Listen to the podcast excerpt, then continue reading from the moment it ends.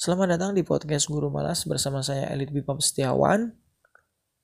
Pada kesempatan kali ini saya ingin mundur ke belakang sekitar 8 tahun silam. Masa di mana pada saat itu saya pertama kali menjadi seorang guru di sekolah dasar. Tahun 2011 merupakan tahun saya lulus S1 jurusan pendidikan guru sekolah dasar. Pada saat itu pula ada tawaran dari pemerintah pusat bagi sarjana-sarjana yang baru lulus untuk mengajar di daerah-daerah terpencil di Indonesia. Pada saat itu ada tiga provinsi yang dipilih oleh pemerintah. Yang pertama Aceh, yang kedua Nusa Tenggara Timur, dan yang ketiga Papua. Karena jangka waktunya cuma satu tahun, makanya saya pun tertarik untuk mengikuti program tersebut. Singkat kata, saya mendaftar setelah melalui beberapa tes, ada tes tertulis, tes wawancara, ketahan malangan, akhirnya saya pun dinyatakan lulus. Setelah lulus, saya pun diberangkatkan ke tempat tujuan saat itu saya memilih Nusa Tenggara Timur. Saya tidak tidak punya bayangan sama sekali mengenai Nusa Tenggara Timur pada saat itu. Kebetulan eh, tidak ada teman yang dari Nusa Tenggara Timur.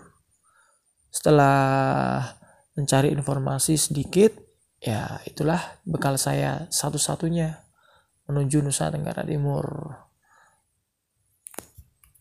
akhirnya saya pun tiba di sebuah kabupaten namanya Manggarai.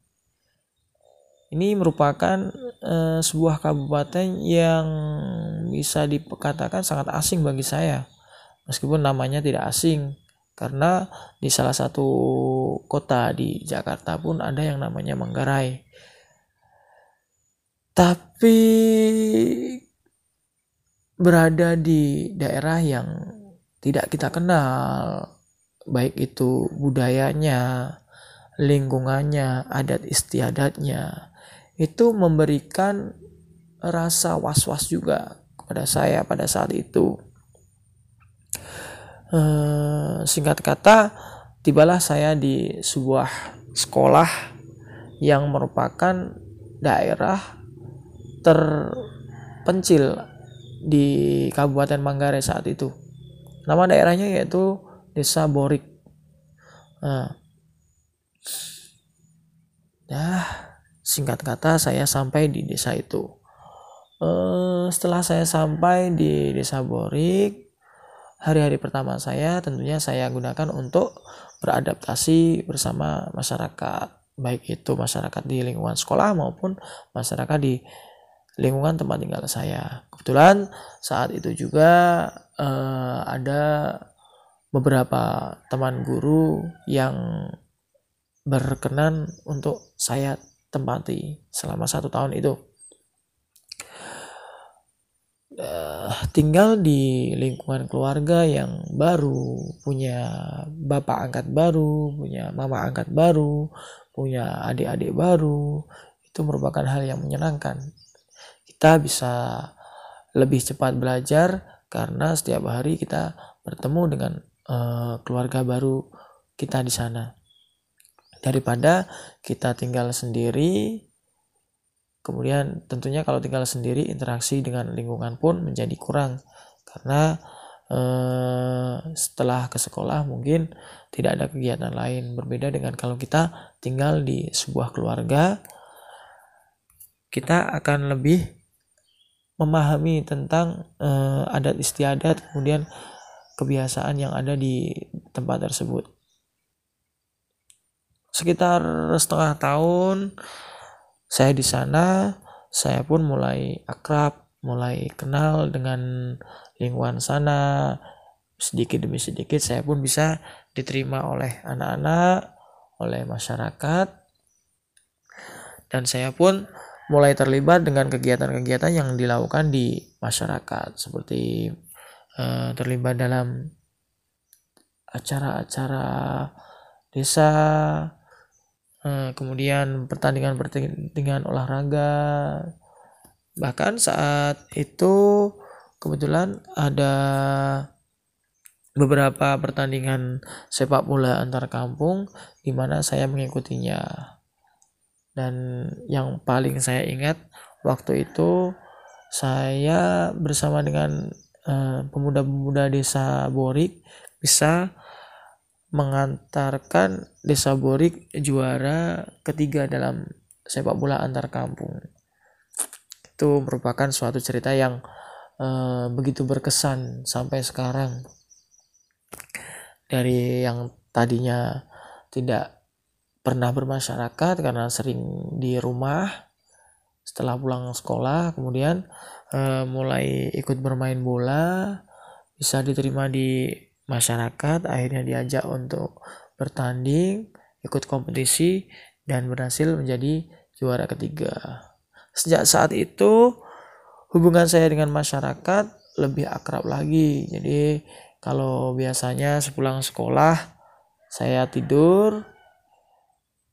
Setelah kegiatan setelah adanya pertandingan sepak bola itu setelah selesai pembelajaran di sekolah biasanya saya istirahat sebentar di rumah. E, tidak sempat lagi tidur siang karena biasanya e, beberapa anak muda sudah menghampiri saya untuk sekedar ngobrol atau sekedar minum kopi jalan-jalan ke mana. Dan saya sangat antusias. E, 10 bulan saya berada di desa Borik, saya sudah merasakan kecemasan karena dua bulan lagi akan ditarik, akan menyelesaikan tugas mengajar saya di sana. Nah, saya cemas karena apa? Karena eh, yang tadinya masyarakat, khususnya anak-anak, yang darinya tadinya belum kenal, kemudian sudah mulai mengenal, dan sekarang sudah seperti adik-adik saya sendiri. Ini yang begitu berat jika saya tinggalkan, dan saya merasakan dua bulan itu adalah waktu yang tidak lama lagi. Akhirnya selama dua bulan saya dua bulan terakhir saya di sana sering kali saya isi untuk bermain dan menghabiskan waktu bersama dengan siswa-siswa. Dari mulai bermain bola kemudian study sore atau belajar sore uh, tidak cukup di situ kemudian uh, malamnya pun biasanya saya nonton sama anak-anak. Ah, dan itu adalah masa-masa yang paling bisa bisa dikatakan paling mengharukan karena harus berpisah dengan siswa. Hingga pada akhirnya hari perpisahan pun datang. Di sana saya begitu apa ya begitu campur aduk perasaannya perasaan senang senang karena mungkin bisa bertemu dengan keluarga yang uh, keluarga yang satu tahun saya tinggalkan kemudian bisa mengunjungi teman-teman lama saya tapi juga sedih karena harus meninggalkan eh, orang-orang yang menjadi saksi pertama kali saya menjadi guru orang-orang yang memang dengan penghargaan luar biasa diberikan kepada saya selama satu tahun itu. Anak-anak yang semangat belajarnya luar biasa, yang tidak kenal lelah, yang bisa dikatakan setiap hari selalu antusias datang ke sekolah, bahkan beberapa ada yang tidak rela kalau misalnya pembelajaran di sekolah berakhir. Inginnya mereka selalu ada di sekolah bisa bermain dengan gurunya guru-guru yang e, bisa dikatakan begitu perhatian kepada siswanya karena guru-guru yang ada sebelumnya kebanyakan guru-guru yang sudah tua sudah senior maka ketika mereka memiliki guru yang masih muda mereka begitu semangat dan perpisahan pun datang rasa sedih, haru, semuanya bercampur. Tapi itulah hidup. Setiap perjumpaan pasti ada perpisahan.